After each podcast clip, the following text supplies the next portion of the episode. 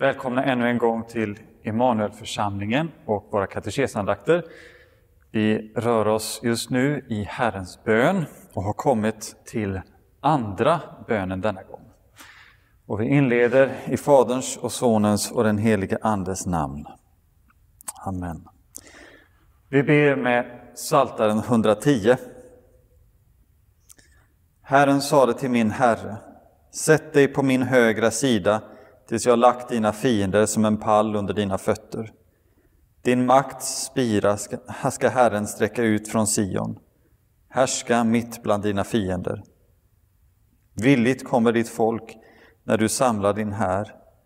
I helig skrud kommer din ungdom till dig, som dagg ur morgonrodnadens sköte. Herren har gett sin ed och ska inte ångra sig. Du är präst för evigt, på samma sätt som Melkisedek. Herren är vid din högra sida. Han krossar kungar på sin vredes dag. Han ska hålla dom bland hedna folken. Överallt ska kroppar ligga. Han krossar hövdingar över hela jorden. Han ska dricka ur bäcken vid vägen. Därför ska han lyfta huvudet högt. Ära vare Fadern och Sonen och den helige Ande, nu och alltid och i evigheters evighet. Amen. Tillkommer ditt rike. Vad är det? Guds rike kommer av sig självt även utan vår bön. Men vi ber i denna bön att det ska komma också till oss.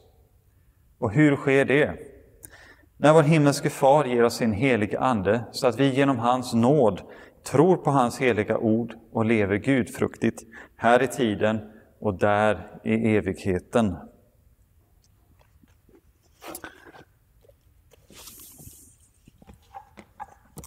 Precis som i första bönen ber vi om någonting som redan är en verklighet.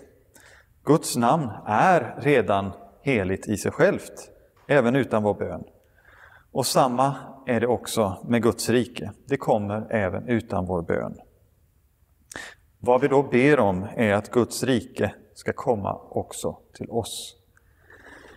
Detta har Jesus uppmanat oss eh, att be, eller att söka också i bergspredikan. Sök först Guds rike och hans rättfärdighet, så ska ni få allt det andra också. Matteus 6.23 Guds rike och hans rättfärdighet.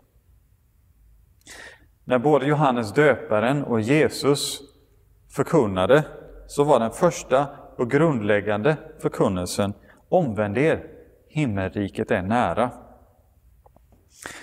Nära ska vi då först och främst förstå som att riket är nära oss, intill oss, hos oss.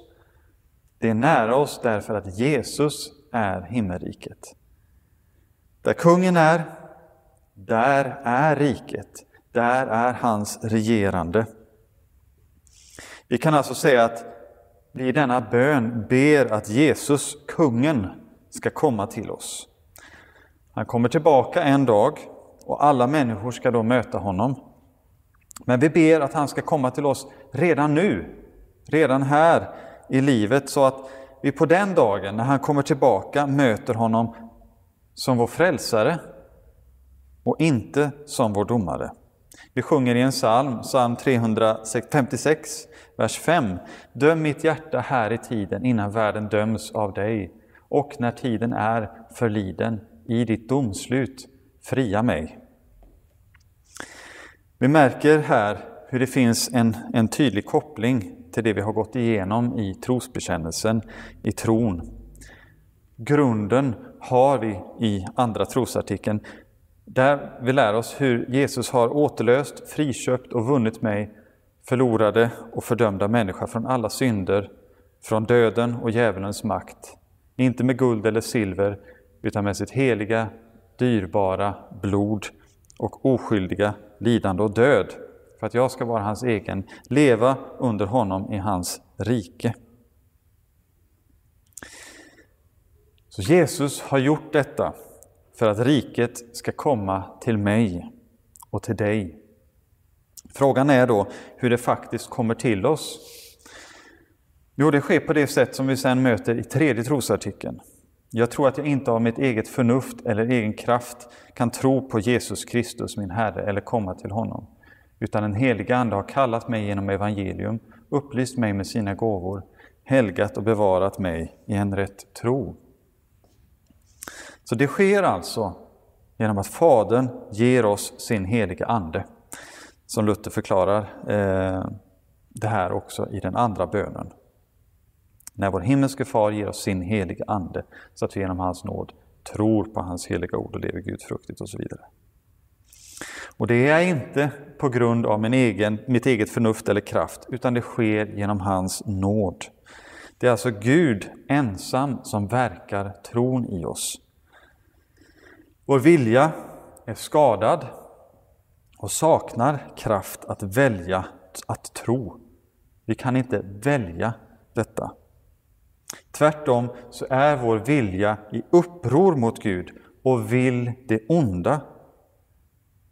Det är många kristna som talar om människans fria vilja och att vi ska välja Jesus, säga ja till Jesus, överlåta oss åt Jesus, ge vårt hjärta åt Jesus och, och, och liknande saker. Men detta är inte helt bibliskt. Vi väljer inte Jesus, utan Bibelns undervisning är att Fadern drar oss till Jesus och att Jesus utväljer oss.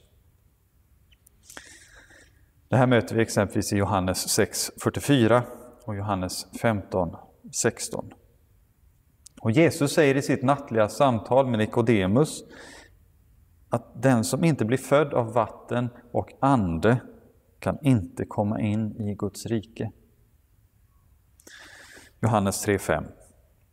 Och att detta handlar om dopet förstår vi när vi sen läser i Titus 3.5.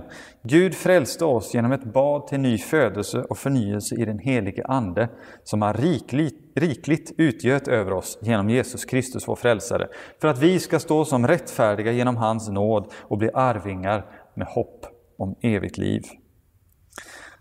Så det vi ser här är hur den helige Ande verkar tron i oss, men han gör det också genom särskilda medel, det vi kallar nådemedel. Alltså medel som Gud i sin nåd använder för att föra oss till tro, föra oss till sig och in i sitt rike. Dopet är ett sådant medel, där vi också mottar den helige Ande, som vi får veta också i det ställe som jag citerade i katekesandakten över inledningen till Herrens bön. Det är när Petrus på pingstdagen säger Omvänd er och låt er alla döpas i Jesu Kristi namn så att era synder blir förlåtna. Då får ni den helige Ande som gåva. Apostlagärningarna 2.38. Det är så här vi förs in i Guds rike, som inte är som jordiska riken, utan det är ett nådens rike. Och nåd är ett ord vi har hört några gånger nu, eh, som Luther använder i sin förklaring. Och det är också ett ord som vi möter ofta i Bibeln, i sånger, när kristna talar om tron. Och det är ett väldigt centralt ord, uppenbarligen. Och därför är det bra att veta vad vi menar när vi säger det. Vad menar vi när vi säger nåd?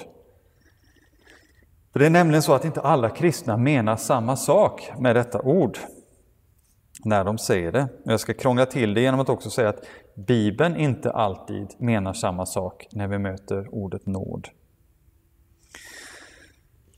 Och Det är viktigt att komma ihåg det här så att vi inte blir förvirrade. Nåd betyder i Bibeln oftast Guds välvilja. Hans välvilliga inställning till oss för Kristi skull. En oförtjänt nåd alltså. Men ibland används det också om de gåvor som Gud ger i sin välvilja mot oss. Så som vi har det exempelvis i Romarbrevet 12 och första Korintierbrevet 12 där det talas om gåvor. På grekiska så är nåd charis och gåvor är charismata eller charisma som vi har ordet karisma ifrån. En präst har försökt återge den här kopplingen i grekiska mellan nåd och gåva, eh, charis, charisma, eh, som att man kan säga nåd och nådisar på svenska. Inom romersk-katolska kyrkan så talar man väldigt ofta och mycket om nåd. Man betonar verkligen nåd. Och det här låter ju jättebra, det låter ju fantastiskt. Och man talar faktiskt också om nåd, både som Guds välvilliga inställning till oss och som gåvor. Det verkar ju bibliskt. Men det avgörande är hur vi ska förstå ordet nåd när det handlar om vår frälsning, när det handlar om vår rättfärdiggörelse. Romersk-katolska kyrkan blandar då in tanken på nåd som en gåva här. En kraft som Gud ingjuter i oss och som vi ska samverka med. Och detta gör de när de talar om att vi blir rättfärdiggjorda av nåd. Det är alltså en nåd som kommer till oss nästan som en, en substans som vi ska samverka med. Men när Paulus talar om detta i Romarbrevet 4 så ställer han nåd mot förtjänst. Och så gör han det klart för oss att här handlar det om Guds inställning till oss, Guds välvilliga inställning till oss, hur Gud ser på oss, inte vad han har ingjutit i oss. Så står det i Romarbrevet 4. Den som har gärningar får sin lön, inte av nåd, utan som förtjänst. Men den som utan gärningar tror på honom som förklarar den ogudaktige rättfärdig, han får sin tro tillräknad som rättfärdighet. Den ogudaktige har inget utom tro, men han räknas som rättfärdig. Gud ser på honom som rättfärdig, ser på honom med välvilja. Och det handlar här då om att man har fått förlåtelse för sina synder. Men den heliga Andes verk fortsätter i den kristne och helgar honom mer och mer. Så är det, det är sant bibliskt, det ska vi förkunna. Men det här är inte rättfärdiggörelsen. Detta är inte Guds, Guds domslut över oss. Att vi tillräknas en annans rättfärdighet, Jesu rättfärdighet. Så vi måste skilja på rättfärdiggörelse och helgelse. Och det är här man i Rom talar också om helgelsen mer eller mindre som rättfärdiggörelsen och bakar ihop detta.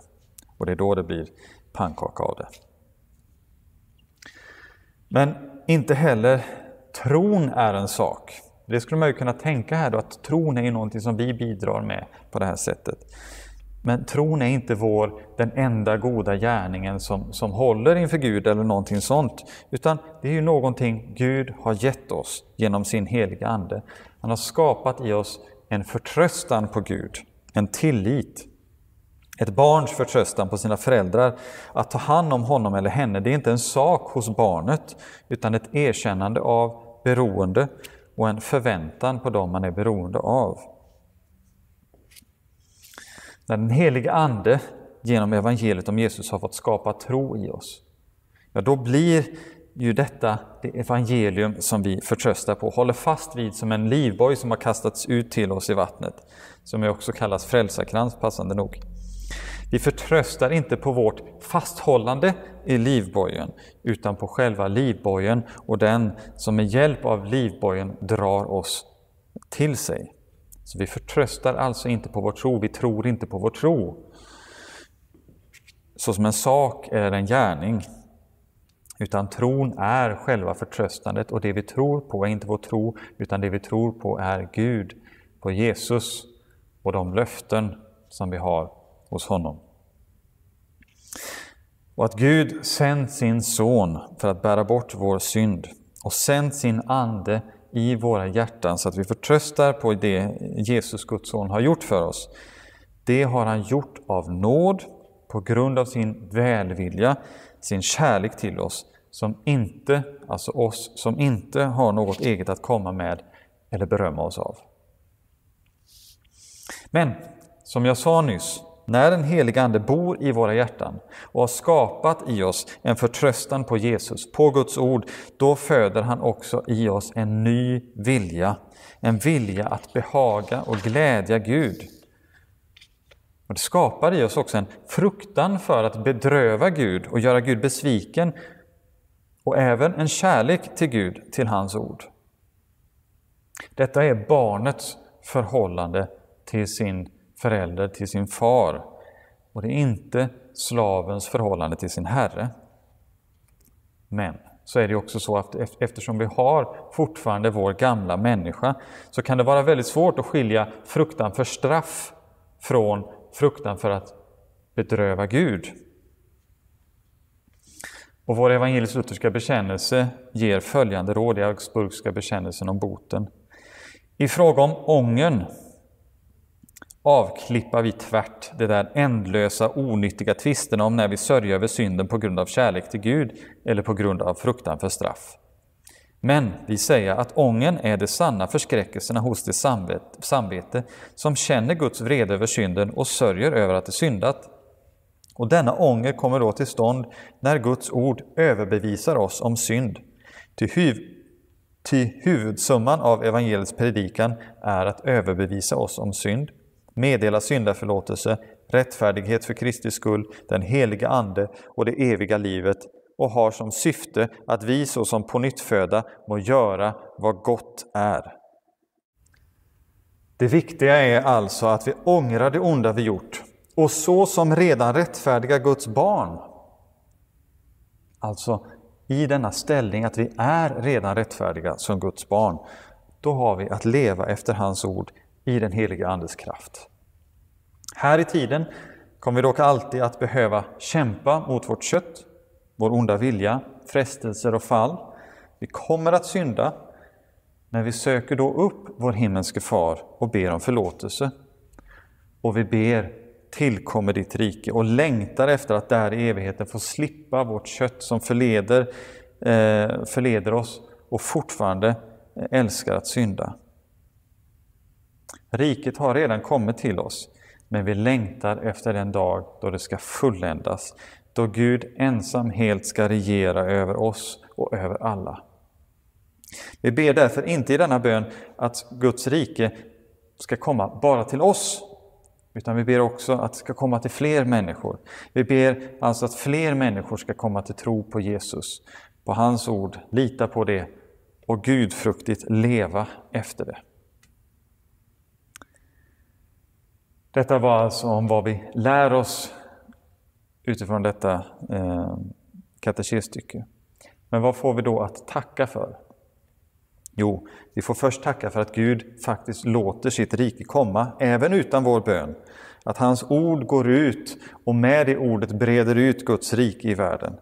Vi får också tacka för att Gud har utgjutit sin heliga Ande, som i dem som hör ordet kan skapa en tro och en förtröstan på Gud. Vi får också tacka för att Gud är den som regerar. Att han är den som regerar och ingen annan. Att han är kungen. Och det är också någonting som vi har anledning att tacka för eftersom han är en kung som alltid ser vårt bästa och ser till vårt bästa. Och att hans rike är ett nådens rike och inte ett förtjänstens rike får vi också tacka för, för annars hade det varit ett rike väldigt tomt på människor. Vi får också tacka för att han i sitt ord låtit oss få veta vad som är gott och rätt, hur vi ska leva i världen inför honom och inför människor på bästa sätt. Och att han har gett oss sin Ande i dopet som ger oss vilja och kraft att också göra det.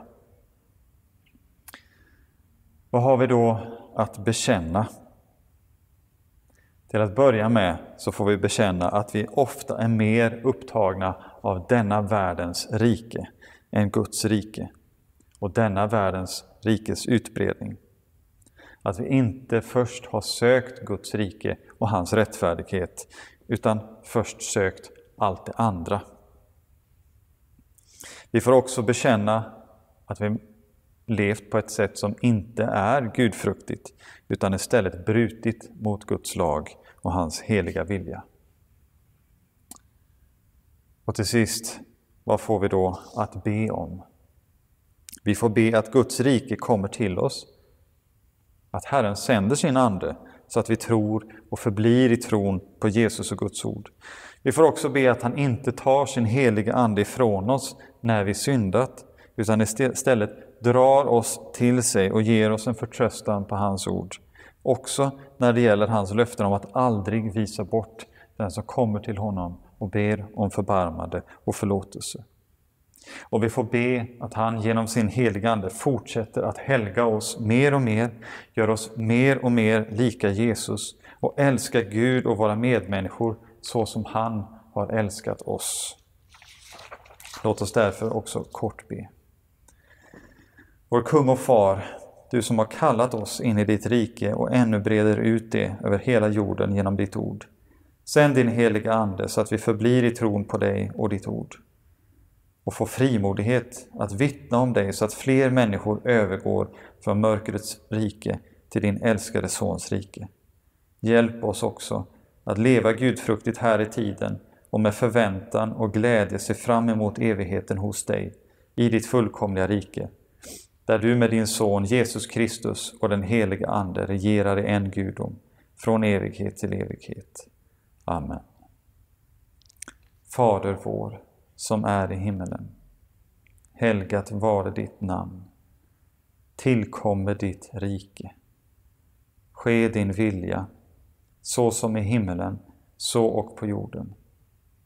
Vårt dagliga bröd giv oss idag och förlåt oss våra skulder, så som och vi förlåta dem oss skyldiga äro. Och inled oss icke i frestelse, utan fräls oss ifrån ondo. Ty riket är ditt och makten och härligheten i evighet. Amen. Vi avslutar med att sjunga psalm 366, verserna 1, 3 och 5 till och med 7.